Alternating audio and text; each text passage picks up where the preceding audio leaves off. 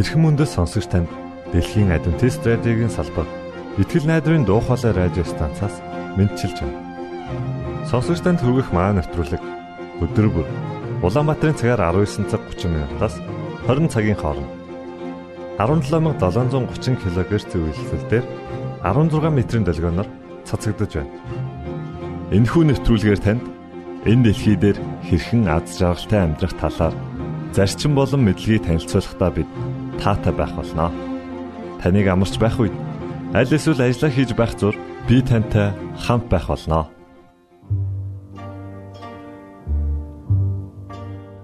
Өнөөдрийн дугаараар та бидний эрүүл мэнд юу бодож байгаатай маань холбоо хамааралтай юу гэдгийг олж мэдэх болно. Харин уран зохиолын цагаар Арчи хүүгийн багын мөрөөдөл түүний гэр бүлийн хүмүүс хэн байсан? Мөн түүний амьдралын талаар хамтдаа сонсох болно. За ингээд танд нэвтрүүлгүүдэд хүргэж байна.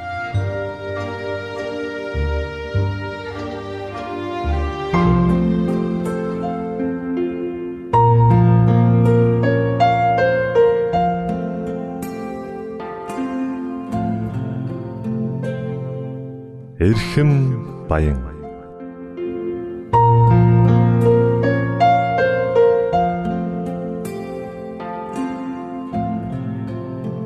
эрүүл амьдрах арга ухаан зөвлөмж тайлбарыг хүргэдэг эрхэм баян нэвтрүүлгийн шин дугаар эхэлж байна.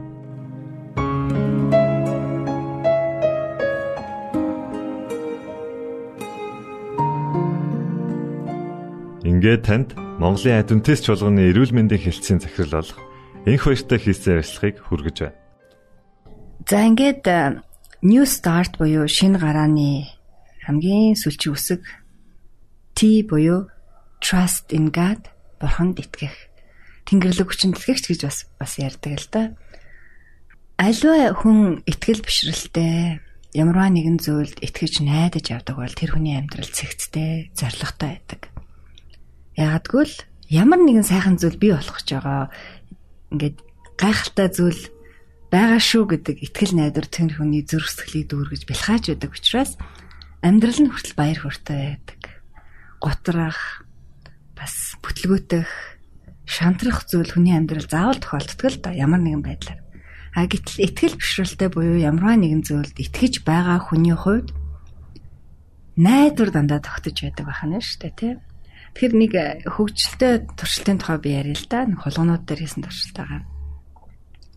Ямарваа нэгэн зүйл найдвартай үлдсэн байна, найдвартай байна гэдэг маань хүч чадлыг сэлбэж нэмж өгдөг байна. Тэгэхээр хоёр хэсэг хулгана аваад нэг хэсэг хулганыг нь усанд ингээд хийхдээ тодорхой богино хугацааны дараа ингээд уснаас нь гаргаж амраачаад буцаагаад ус руу хийгээдсэн байна.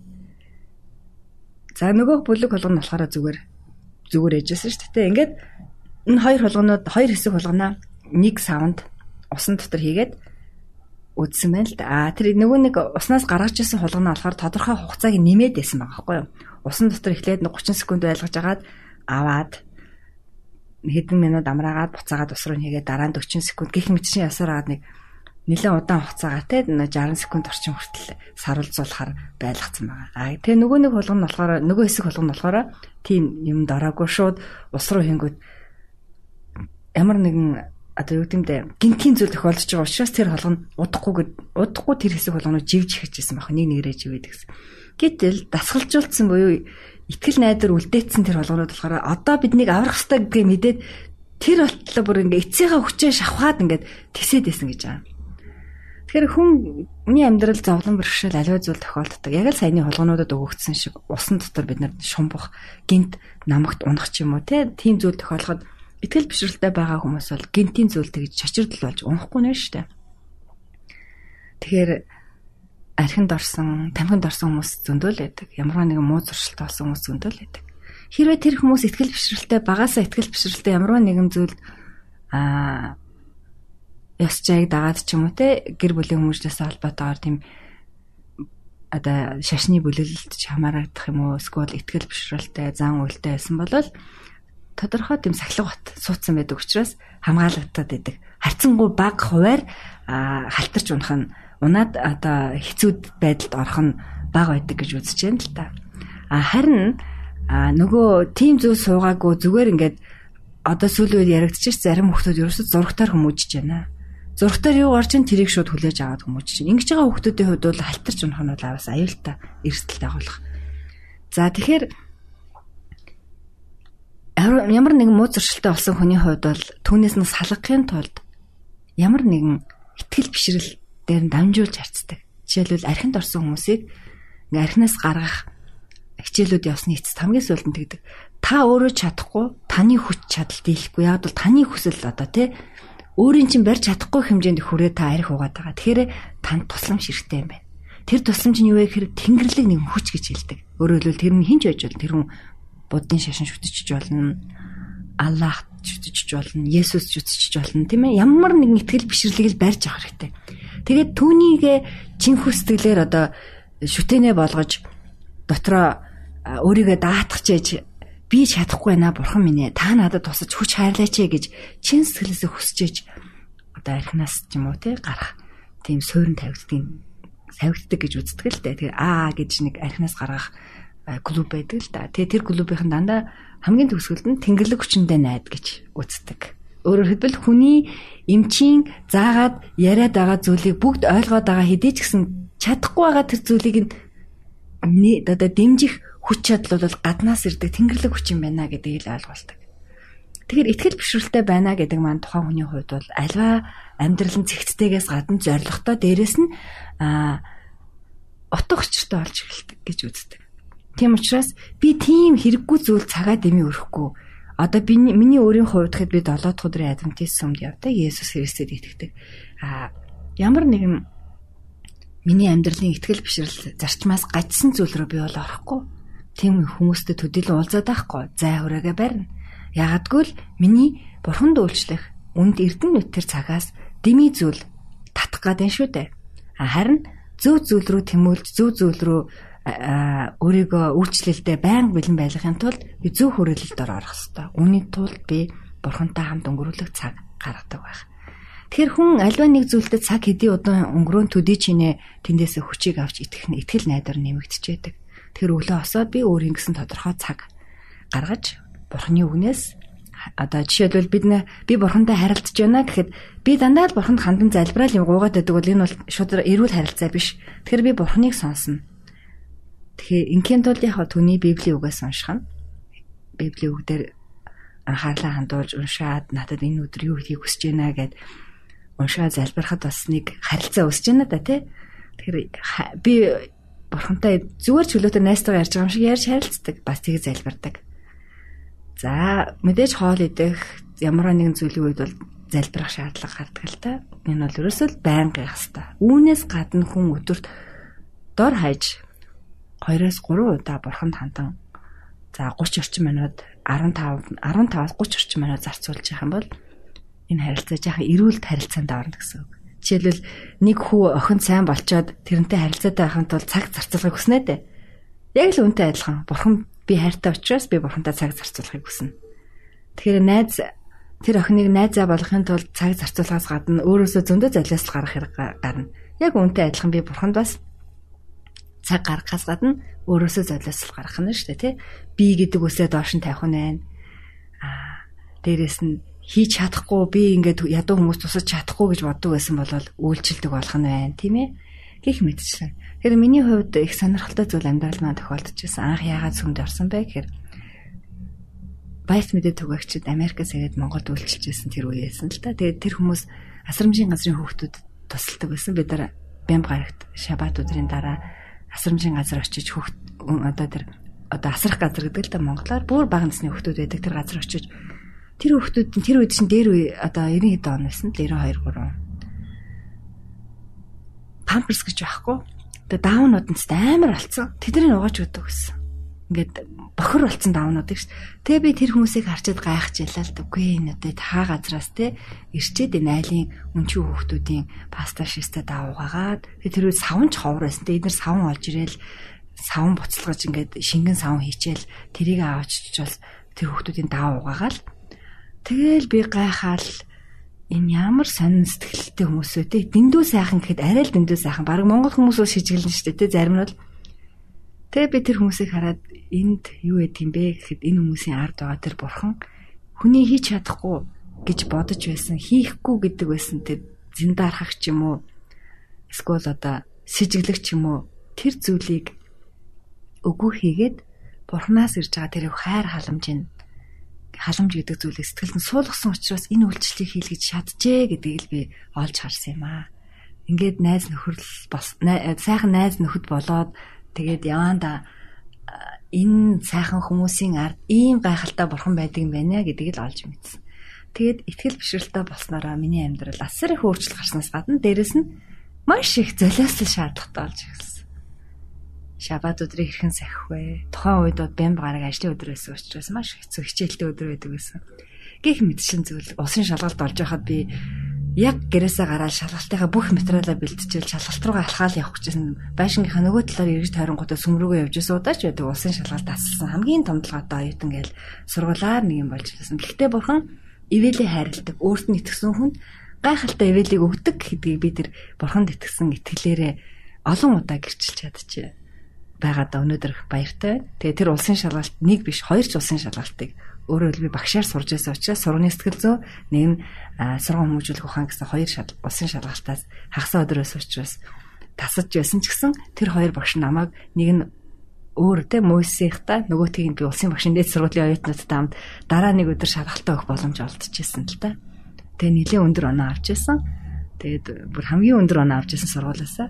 Тэгэхээр бурхан бол би мэдээж тийм онц ой ухаантайдаа биш те бурхан хэрэгцээтэй үед маань миний мэдих ёстой зүйлийг ойлгуулад яг тэр шалгалтын үед надад сануулж өгсөн учраас яагаад гэвэл би бурханы шабат өдрийг тэр үед зоригтойгоор сахисан нөхцөл байдлаас айхгүйгээр сахиж чадсан учраас бурхан надад миний оюун ухаанд унших ёстой зүйлүүдийг маань яг үнсний дараа хэрэгцээтэй үед маань сануулж шалгалтаа айгүй өндөр одоо маш өндөр оноо өгөх боломжоор хангасан гэдэгт би итгэлтэй. Энэ бол бурханаас ирж байгаа ивэл үр шим. Тэгэхээр бурханд итгэнэ гэдэг маань бүх юм амархан болно гэсэн үг бас биш байх нэ. Таны өмнө сонголт, шийдвэр гаргахаас гадна золиослол бас үлээж байдаг байх.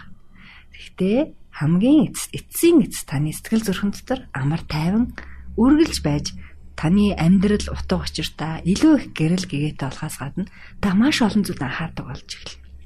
Энэ маань эрүүл мэндийн тухай зүйл шүү дээ. Шинэ гараа гэдэг маань, шинэ эхлэл гэдэг маань. Тэгвэл бурханд итгэснээрээ таны эрүүл мэндэд ямар өөрчлөлт орох вэ гэж одоо бас бодоод үзье л да.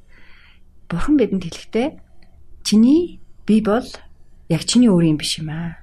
Миний та нарт даатгаж өгсөн ариун сүнсний орших сүм дугуй юм аа гэж хэлж өгсөн. Тэгэхээр ариун сүнсний орших сүм дугуй нь ямар байх хэвээр вэ?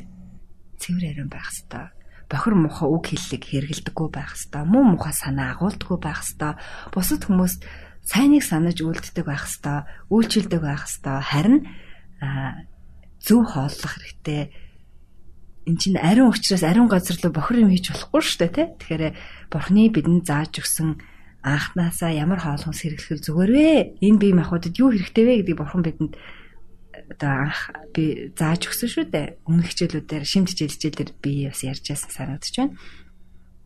Тэгэхээр машин бүтээсэн хүн тэр машинаа ямар түлшээр ажиллахыг бүтээдгийн адил бурхан хүн төрөлхтнийг бүтээгээд юу идэж уух хэвээр яах хэвээр вэ гэдгийг нь бидэнд бас өгсөн байгаа. Тэгэхээр үрт ургамал жимс хүмүүсийн ногоо сайн хэрэглэх хэрэгтэй байна шүү дээ бидний бие махбод. Тийм л юм зориулагдсан байна. Гэтэл явцын дунд хүмүүс яасан буруу зүйл хэрэгэлсэн. Зарим тохиолдолд бас жишээлбэл машин дээр гэхэд чинь те зөвхөн түлшээр ажилтдаг машинд бензин хийж болохгүй шүү дээ те явахгүй. Харин хүний бие махбод юугаар ажиллах хэвтэйг бурхан өгчөөд байхад бид нар мэдсээр байжээч зөрүү зөрүүдлэх тийм тохиолдол гардаг. За ингээд эрүүл урт амьдрахын тулд бид нар бурханаас бидэнд даатгаж өгсөн ариун сүнсний орших сүм дугуйн болсон бие махбодоо хайрлаж зөв хооллолыг дасгал хөдөлгөөн хий энэ маань хөдөлгөөнгүй байх зүйл биш шүү дээ тий хорт зуршлууд буюу аригт тамхины хэрэглээг бүр огт байхгүй болгоё. Хэрэгэлдэг бол багсгая, явандаа гарья. Ингээд баяр хөөртэйгөөр хөгжил байсалтаар бурхандаа үйлчилж өдөр тутмынхаа амьдралдаа бурхнаас ирэх ирч хүчийг авч өдөр бүхэн бас бурхны үр хүүхдүүд болсон бусад ах дүүстайгаа зөв харьцаатай байж тэднийгээ дэмжиж амьдрах юм бол бурханд итгэсний үр шимээ та эрүүл мэндээрээ бас өөрийнхөө байгаа өөртөө мэдэрч байгаа аз жаргалаараа олох боломжтой гэж би хэлмээр байна.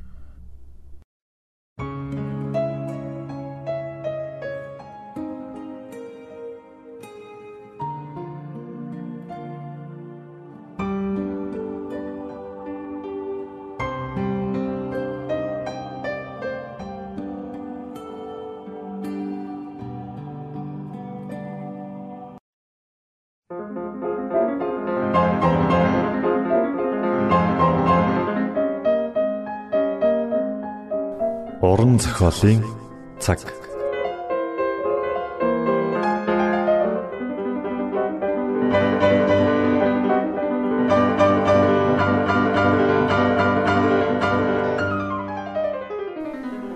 Уран зохиолын цаг навтруулын шин дугаараар уулзж байгаадаа баяртай. Энэхүү булангаараа бид уран зохиол, утга уянга, яруу найргийн өнгө аястай ном тохиомлуудыг сонсогч та бүхэндээ хүргэх болно. Та бидэнтэй хамт байгаарай. Тэн удаагийн дугаараар эцгийн гашуун бэлэг хэмээх Арчи хүүгийн тухай гарах номыг сонирдуулах гэж байна. Хөгжмөд артн соно.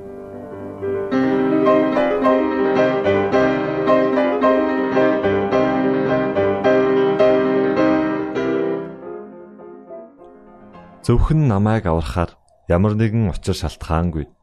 Өөрийн цусаа миний төлөө урсгасан. Таны хүслээр би тань дээр очие. Өө, Бурхны хураг минь, би тань дээр очие.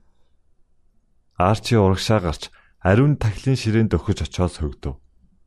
Түүний нулимс урч горилго нь тасраагүй байсан ч уурн ч хөрх шиг гим нүгэл нь арилан алга болох шиг болов. Арх ух хүсэл нь арилжээ. Шинэ хүн болсон мэт санагдав.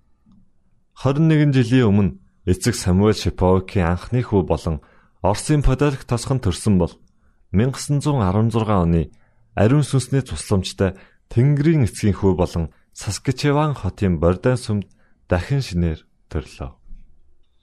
Арчигийн өөрчлөгдсөн тухай мэдээ хуурай модон ноцсон гал мэт хурдан тархав. Арчи Шиповк нэм гарагт аврагджээ гэж Украинаас ирсэн авгаачул хийж байсан ажлаа орхиод хөршөөдөө шин мэдээ түгээхээр яарцгаалаа.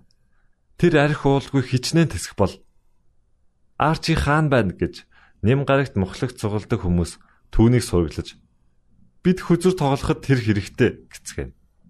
Тэгэхэд мохлогийн худалдагч та нар сонсоогүй гэж юу? Арчи өнгөрсөн нэм гарагт баптизм очиж шүтлэгтэй болсон. Би түүнийг дахин ирнэ гэдэгт итгэхгүй л байна шүү гэв. Тэгтэл Оросын өндөр ник хэмэгч залуу том дугаар битгий тоглоом хийж байгаа юм шиг юм яриад. Арчи шүтлэгтэй болсон гэж хэлээч хэрэггүй шүү. Сонирхч юм дуусах биш гэж ник хэлээд хөзөр тоглож буй хоёр залуугийн дунд нэг шил арх тавив. Мөрөдө тоглодог өөр хүн олох хэрэгтэй болж тээ гэд тэрээр арх хундаглав. Арчи нэм гарагт яг мөргөлийн дараа мухлагт ирдэг юм гэж тооны гэдэг нэг залуу хэлээд За за эхэлцгээе. Арчи 2 дахь сойрог дээр ирэх байх. Яг ирнэ. Итгэхгүй байгаа бол 50 центр мөрөцье гэд зоосоо ширээн дээр тавив. Би бараг хожих байх гэд нэг халааснаас хагас доллар гаргаж ирээд дээшин шидэн барьж аваад тооныгийн мөнгөний хажуу тавилаа. Тооны 50 центээ алдав. Тооны түүнийг мухлаг хатал хүлээв. Гэсэн чи арчи ирсэнгүй. Тэгээ тооны тэр дараа 7 хоногт ирнэ Би Арчиг мэднэ. Тэр яг эцэгтэйгээ адил архичин бас мөрөөдөө тоглоомчин шүү дээ. Яагад гэвэл тэр зуршил нь мах цуснд нь шингэсэн. Тэр удаан тавьчих чадахгүй дээ. Гэтэл Арчи дараагийн 7 хоногт бас л ирсэнгүй. Түүний дараагийн 7 хоногт ч ирсэнгүй. Түүний судсаар гүйж байсан цус бурхны хурганы цусаар цэвэрлэгдсэн байлаа. Түүний архинаас олдог цэнгэл шинээр олж буй цэнгэлтэй харьцуулахын аргагүй байв. Хүж дэлхий цоо шинхэн бөгөөд хөгжил баясалтай болсон юм шиг санагдана. Тэр дэврүүн сайхан сэтгэлтэй болж амьдрал нь баяр баясгалангаар бэлхав. Энэ бүгдийг тэр амьдралдаа хизээч үзэж мэдэрч байсангүй. Арх уух хүсэл нь ормөргүй арилжээ. Харин оронд нь Есүсийг сүслэн дагах хүсэл төрсөн байлаа. Тэгэд хүмүүсийн өн мөнхийн улсын эцгийн гэр бүлд орсноо гэрчилж усаар батлуулах хүсэл түүн төрөв. Цагаа аль хэдийн тавлсан бөгөөд усан баталгаа нь 6 дугаар сарын сүүлчийн нэм гарагт болох ёстой байлаа. Энэ өдөр гэр бүлийн хувьд маш их баяр баясгалантай өдөр байдаг байв. Түүний эцэг их хол баяр баясгалангийн хуваалцаж чадахгүй байсан боловч дүү Роман хамт байсан юм. 4 жилийн өмнө Романыг ирэхэд хамтдаа цагийг зугаатай сайхан өнгөрөөдөг байлаа. Тэр Аннатай гэрэлсэн юм. Тэр охин баптист сүмд явдаг. Тэр хоёрыг хоёулангийн аваачих юм бол бүр сайхан болно гэж бодов. Дараагийн нэм гарагт Арчи дүү Роман дээр очиод ингэж хэлв.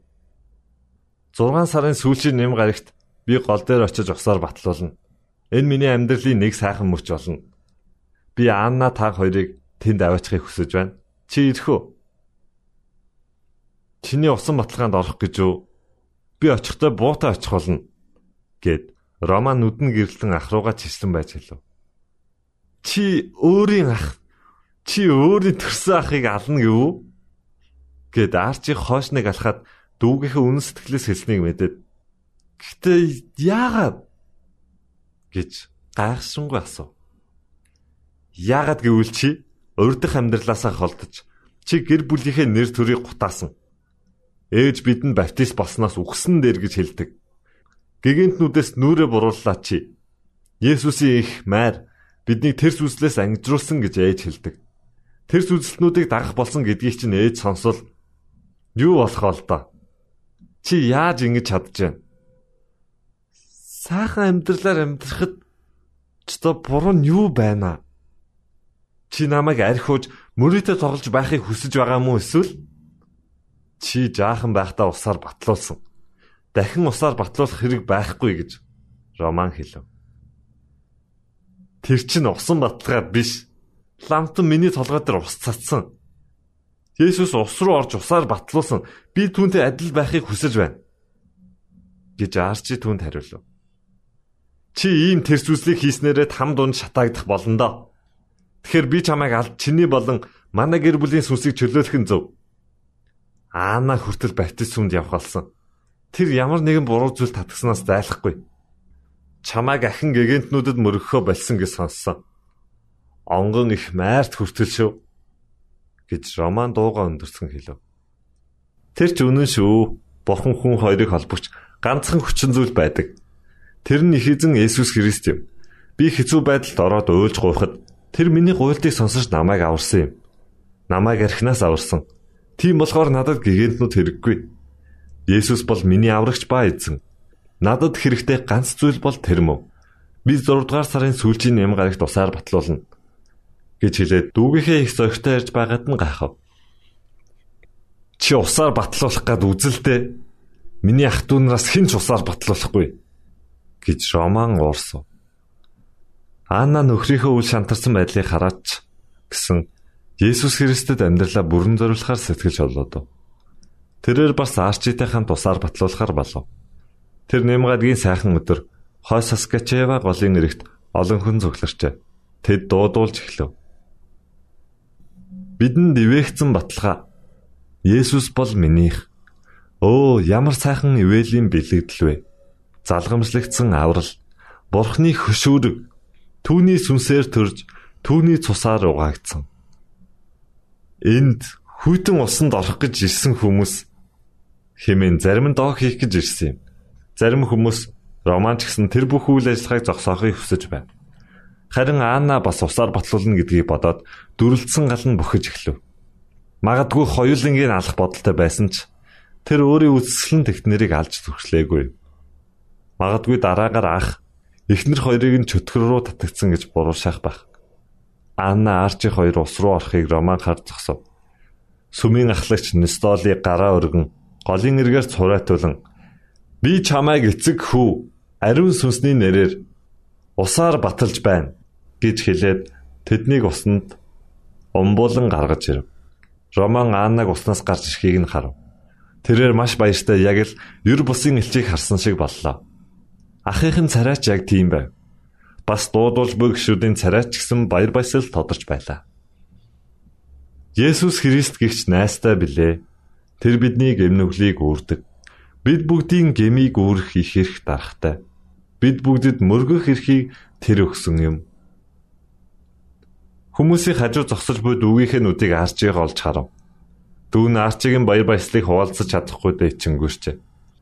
Өө бурхан минь, Ана бид хоёр таныг олсон шиг Роман таныг олоосой гэж би гуй гэж арчи хүмүүс хөнжил өгөх зур чимээгүй гуй.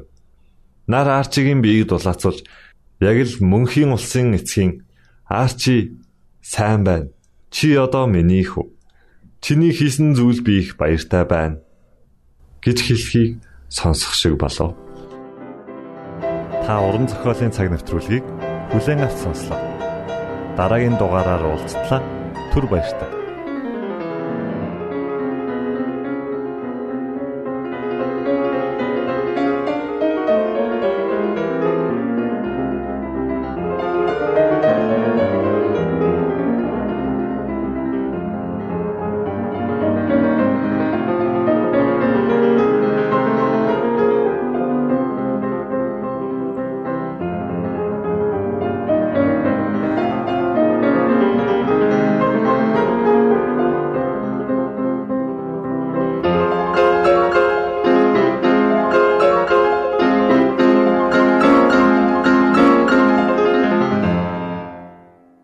Итгэл найдрын дуу хоолой радио станцаас бэлтгэн хөрөгдөг нэвтрүүлгээ танд хүргэлээ.